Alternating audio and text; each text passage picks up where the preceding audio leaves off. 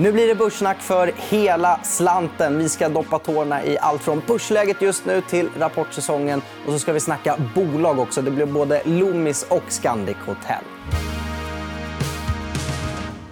Och med mig för att prata om det här så har jag Anders Rulle Rudolfsson. Välkommen tillbaka hit. Tack så mycket för det. Eh, du du, som aktiemäklare så har man ju verkligen känselspröt ut mot investerare. Eh, du sitter ju i telefon med dem. Hur, hur går snacket efter ett så turbulent år som det ändå har varit? Ja, det har ju varit väldigt många utmaningar. får man säga. Och de flesta fonder är ju kraftigt ner i år. och Det gick ju väldigt fort i inledningen av året. Det är svårt att förutse att det skulle bli dels ett krig naturligtvis och dels en så pass snabb ränteuppgång som vi ändå såg. Och eh, det har ju lett till naturligtvis till fortsatta problem för investerare. Det är ju en kraftig räntehöjning i kombination med många andra problem samtidigt. Och det är svårt liksom att riktigt hantera alla frågor på en gång och i en, en, en syn som ska överensstämma med eh, den långsiktiga trenden. Men eh, jag känner väl nu kanske här sista veckorna ändå att man börjar hitta någon typ av lite botten. Man börjar hitta både köpare och säljare på, på rätt många aktier, tycker jag. Och, eh, det är väl så att när man börjar gräva i siffrorna lite grann så noterar man ju många bolag som har kommit ner rejält i värdering.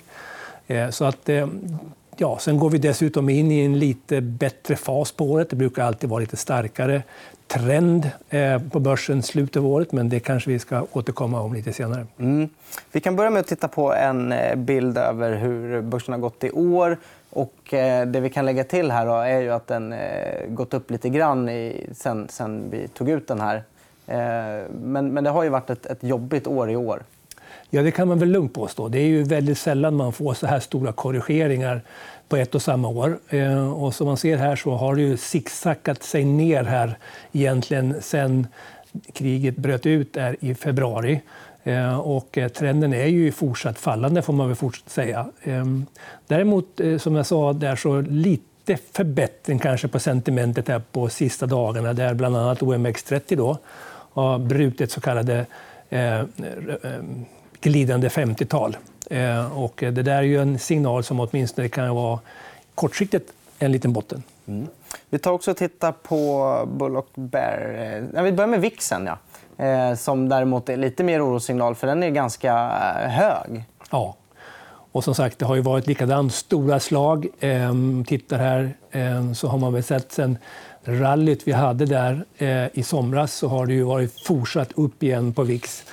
Eh, och det här är ju, eh, volatilitetstal på den här nivån eh, är ju faktiskt korrelerade med också stora rörelser på börsen. självklart.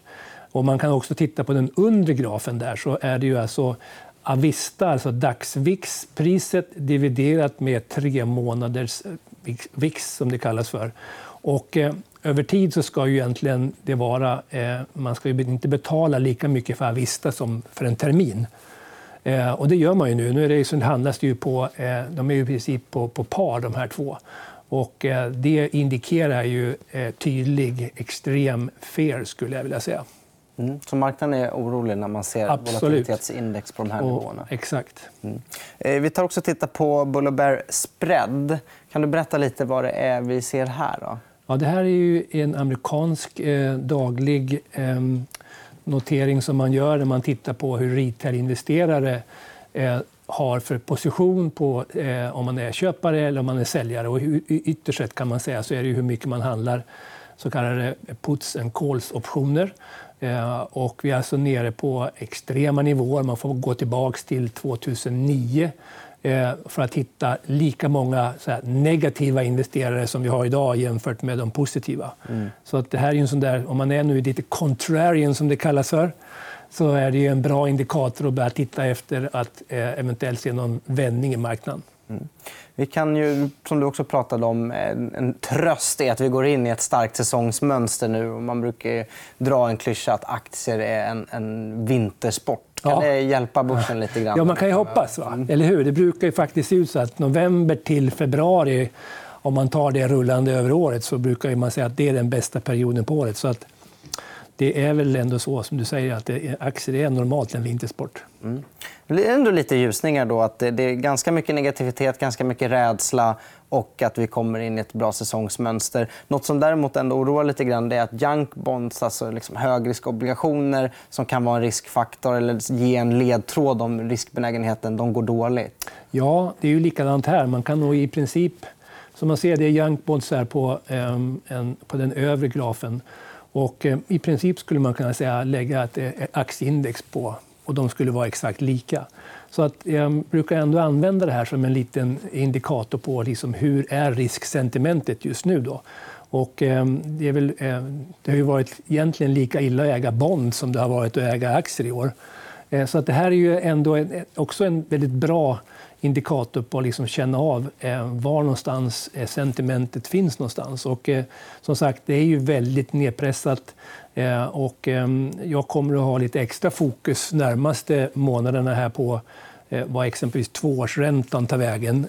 För det är lite grann den tror jag som avgör hur man kommer att se det ur bondperspektivet. Mm.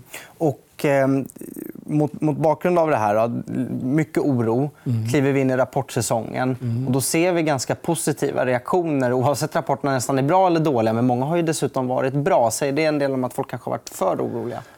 Ja, det får man väl säga. Ja. Alltså, det har ändå kommit ett par stycken som var riktigt dåliga, får man ändå säga. Framförallt den första som kom. Det var ju flera stycken. Först kom ju eh, hjälmbolaget Mips och Thule ungefär samtidigt. De varnade för cykelproblematiken och överutbudet där. Sen som kom BHG med en ganska tidig varning. Eh, och det intressanta är ju att eh, i alla fall både Thule och BHG har ju faktiskt handlats upp sen de kom med sina vinstvarningar, får man ändå säga att det var. Mips har väl inte riktigt eh, landat där, men den var å andra sidan också väldigt, väldigt dyr när man gick in i det här eh, från början. Sen har det kommit några väldigt bra också. Hexatronic exempelvis var ju väldigt bra eh, med sin omvända vinstvarning. Jag vet inte vilken gång i ordningen man har kommit med den, men det har i alla fall gjort det igen. Eh, så trenden där är ju eh, jätte, jättestark. Och sen har det ju då, som sagt, senast igår då kom ju Sandvik. Också en väldigt bra rapport. Eh, visade ju tillväxt i princip i alla segment. Eh, vi hade Note som är sån här tillverkare av olika in, eh, produkter för eh, andra industrier. Också stark efterfrågan och bra resultat. Så man kan väl säga att den här, eh, alla har ju lite grann ropat efter vargen ehm, och förväntar sig sämre tider. Än så länge så häver det ju inte riktigt i siffrorna. Nej. Så är det. Så att i princip kan man säga att alla aktier som har kommit med rapporter hittills, oavsett om det var bra eller dåligt, har ju faktiskt kommit upp. Mm. Ändå lite hoppfullt. Ja. Vi går över och eh, pratar om två bolag. Vi börjar med Loomis. Alla tror ju att nu är det över med kontanter. Vad ska man ha det till egentligen? Ja. Och det har ju varit så ganska länge. Vi har ju i princip nästan inte några svenska investerare kvar i det här bolaget. Men det finns ju ett flertal eh, alltså utländska investerare har successivt ökat sin andel av det här. Och det är ju faktiskt så att eh, penningmängden, eller antal kontanter, ökar ju successivt hela tiden i världen. Kanske då inte i Sverige. Men eh, det som är intressant är att det finns inte så många spelare som håller på med den här affären. Och det gör att eh, de är ett eller två eller max trea i varje marknad de befinner sig. Och det som har hänt nu då på slutet är ju att folk har börjat rest kraftigt igen. Eh, och det är till och med köer utanför växelkontoret. Vilket gör att det är liksom, aktien kommer att ha ett väldigt bra kvartal i Q3 och Q4. De kommer att växa någonstans, i alla fall Q3-siffrorna mot föregående år kommer att ligga på... Vi har en bra tabell på det också. Ja, just det. Precis. Titta där. Ja, det är ett ordentligt lyft här. Nu står det, och ni ser från man, vår, konsensus, eller vår prognos ligger på en ebita på 813 miljoner och förra året låg det på 581. Så det är en ordentligt lyft här. Och det gäller ju även eh, tillväxten, eh, topline. Eh, och det här kommer ju sen att fortsätta även in i Q4. Eh, och det här är ju en aktie som jag tycker handlas på alldeles för låga multiplar givet den tillväxt man kommer att ha i år och nästa år. Mm. Men det kanske kan hjälpa dem nästan att, att eh, i och med att många tänker att kontanter det försvinner, då vill inte ge sig in massa nya konkurrenter. Och så här. De får jobba lite i skyddad ja, verkstad. På precis, sätt. ja. Så, och, så, och dessutom har de nu faktiskt tagit, börjat jobba fram en produkt som man ska rulla ut och håller på att rulla ut till Eh, eh, olika butiker. Loomis Pay. Loomis Pay, mm. precis. Nu har det ju långt ifrån, det drar ju fortfarande mycket pengar. Men de försöker ge sig in i segmentet för att liksom låsa upp ännu en del i värdekedjan. Ehm, så att, ehm, jag tycker att den, den är underskattad givet att man har kraftiga kassaflöden. Ja. Ehm, det, är ju, eh, eh, liksom, det rullar ju på väldigt starkt för dem och de kommer göra nya förvärv självklart. Vi bedömer att de har idag börsvärde på ungefär 20-22 miljarder. Och givet den, de mål de har och det kassaflöde de har så ser vi att de har en finansiell muskel på uppåt 16 miljarder. Mm. Att jämföras då, som sagt med börsvärde på lite drygt 20. Så här kommer det fortsätta göras mycket förvärv. Man kommer fortsätta köpa tillbaka aktier. Så jag har ju svårt att se liksom att den här aktien inte över tid kommer att bevisa att man ska äga den här. Jag tycker vi ska också titta på... Det finns en eh, bild där marknaden rätt tydligt visar att den inte tror på de målen som Loomis har satt. Mm. Som de brukar leverera på, i alla fall, ja, man tittar på historiken. Så är det absolut. Ja. De, har alltid, de lägger ju treårsmål eh, löpande. Och, eh, det var ju naturligtvis lite svårt att uppfylla det målet förra året, givet pandemin. Så det var första gången man inte lyckades med det. Nu har man fått en ny vd som har lagt nya mål. Och här ligger ju dels våra estimat, givet vad man har för förväntan om de nya målen, och sen konsensus. Och som man ser, konsensus tror ju inte överhuvudtaget på de här målen. Eh, vi ligger lite närmare, men skulle man alltså leverera på de här, då är ju våra estimat för låga också. Mm. Ja, eh, vad, vad, skulle hoten kunna vara? Är det om, om Loomis Pay inte blir det man har hoppats och fortsätter kosta pengar? Eller? Ja, det kommer väl då. Jag tror ändå att eh, de kommer försöka göra det och ja. dra pengar. Sen är det naturligtvis, vi noterar väl att eh, en utmaning för dem i USA har ju varit eh, att hitta folk och köra alla bilar. Eh, vi får se vad löneinflationen där slår igenom. De kommenterade i sista kvartalsrapporten att de ändå såg en förbättring. Men lönetalen naturligtvis där kommer kunna vara en, en utmaning. Eh, men jag tror att eh, utvecklingen i Europa kan kompensera för det. För Europa har haft ett, ett, antal år nu med väldigt dålig tillväxt. Och nu känns det som att det verkligen tagit fart i Europa. Så att de kanske tar ut varandra. Mm. Mm. Det blir spännande att följa. Mm. Vi går vidare. För om man behöver växla resvaluta då behöver man också bo någonstans. Så vi kan titta lite på Scandic Hotel. Ja, ja. precis. Och Scandic är ju... Eh, de, de var väl den som var först in i den här krisen och hade ju enorma problem. Alltså vi, de var ju tvungna att ta upp pengar väldigt, väldigt fort. Man stängde ner allt. Och sen har de ju lyckats göra en fantastisk turnaround, får man ändå säga. Ehm, och eh, jag tycker att det är intressant eftersom eh, sista, sen, ja, under det här året har de gjort bra ifrån sig. Och man, nu är man ju tillbaka på en beläggningsgrad som är till och med lite bättre än vi hade 2019. Vi tar upp en bild och tittar på beläggningsgraden. För att, som du säger, den är ju faktiskt rätt hygglig, eller till och med bra. Ja, det är ju väldigt bra siffror som kommer nu. Och nu har man ju dessutom förmodligen varit duktiga på att ta ner kost också. Så jag tror att den här höga beläggningsgraden kommer att ge ett klart bättre bidrag på bottom line än du hade tidigare än 2019. Så att jag tror att eh, just här i Q3 så kommer man göra sitt bästa resultat någonsin. Så att jag tycker det är en aktie som har gått ganska dåligt här sista tiden. Eh, så tycker jag det är ändå läge att liksom titta på den här aktien. För det inte, kommer inte bli sämre i Q4. Nej, här ser vi eh, också en matris Precis. på det. Det man glömmer bort i caset lite grann är ju att man tror att det är bara vi, du och jag, som reser. Men det är ju faktiskt så att väldigt mycket, huvuddelen av deras kundgrupp är ju företag. Och eh, sen dessutom konferenser och det är den typen av konserter, man åker ut och gör det. Så att det, det är ju huvuddelen av verksamheten och den känns ju fortsatt väldigt stabil även om det kommer bli lite svagare konjunktur nästa år. Okay, så även om man är orolig för konsumenten och konsumentens köpkraft så är inte det hela sanningen så att säga, av vad bolaget har för kundmix? Nej, och jag, ja, det här är min egen spekulation naturligtvis, men jag tycker att eh, givet att en dollar eh, kostar över 11 kronor och det kostar, en euro kostar ungefär lika mycket så tror jag att hemester kommer att gälla nästa år också. Eh, och då kanske ändå, trots att det är liksom dyrt att bo på hotell så kanske man ändå drar sig för att åka utomlands. Och då blir ju Sverige och Norden kanske mer intressant. Mm, intressant. Vad skulle kunna vara hoten här och vad skulle kunna ställa till det för det här caset?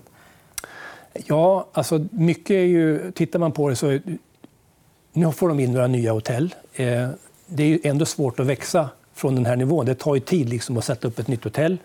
Eh, och självklart så är det så att man har nog varit ganska duktig på att liksom få ner kost. Någonstans måste man börja nyanställa också. Eh, och det är klart att det går inte att köra alla på fälgen. Liksom. Man måste få in folk. Och det är svårt att hitta folk. Och det är väl någonting som är intressant. att Vi hade en lunch häromdagen med Sectra. Och, det är ju ett högteknologiskt företag på alla sätt. Och man kan tycka att många borde dra sig till ett sånt intressant företag. Men det är liksom brist på allt. All, all typ av personal. Och, jag tror att det är en utmaning även för Scandic att få in liksom ny personal. och det gör ju att det finns kanske en risk att man måste höja lönerna mycket, för det är ju en ganska så stor del också av kostnadsbasen. Mm. Så att, det är väl det man kan fundera på, precis som mycket annat. Liksom. Löner är ju på väg upp. Tror du att det skulle kunna få investerare att tycka bättre om, om caset om de kan ta de här pengarna de borde tjäna nu det här kvartalet och kanske nästa kvartal och börja beta ner lite på skulden? Ja, det tror jag. Man är på väg att göra det väldigt tydligt. Eh, och, eh, jag vet inte om du kommer tillbaka till frågan, men jag kan ta den på en gång. Då. Men jag tänker det var lite intressant, för de tog ju upp ett stort förlagslån mm då när det var som värst här 2001, eller 2020 var det då, ja, redan då. Och det där har ju en konverteringskurs på 43 kronor och det är en enormt stor utspädning. Och skulle man liksom få den här kursen då att inte komma upp till 43 kronor, då blir man ju i princip av med hela den utspädningen. Så EPS Alltså vinsten per aktie kommer att gå upp ordentligt 2024 om man skulle bli av med den här konverten. Nu får vi se, det är långt dit, så det hinner hända mycket innan vi är där. Men det, det skulle kunna vara en intressant liksom, tillväxtfundering man kan ha på aktien. Mm. Det blir spännande att följa. Mm. Tack så mycket för att du kom hit, Anders Rudolfsson. Tack själv. Och det var vad vi hade att bjuda på i dagens program. Vi är tillbaka på fredag igen. Då ska vi snacka preferensaktier. Om du har tittat via Youtube, tryck hemskt gärna på prenumerera. Då missar du inte när det kommer nya avsnitt. Ha det så bra. Hej då.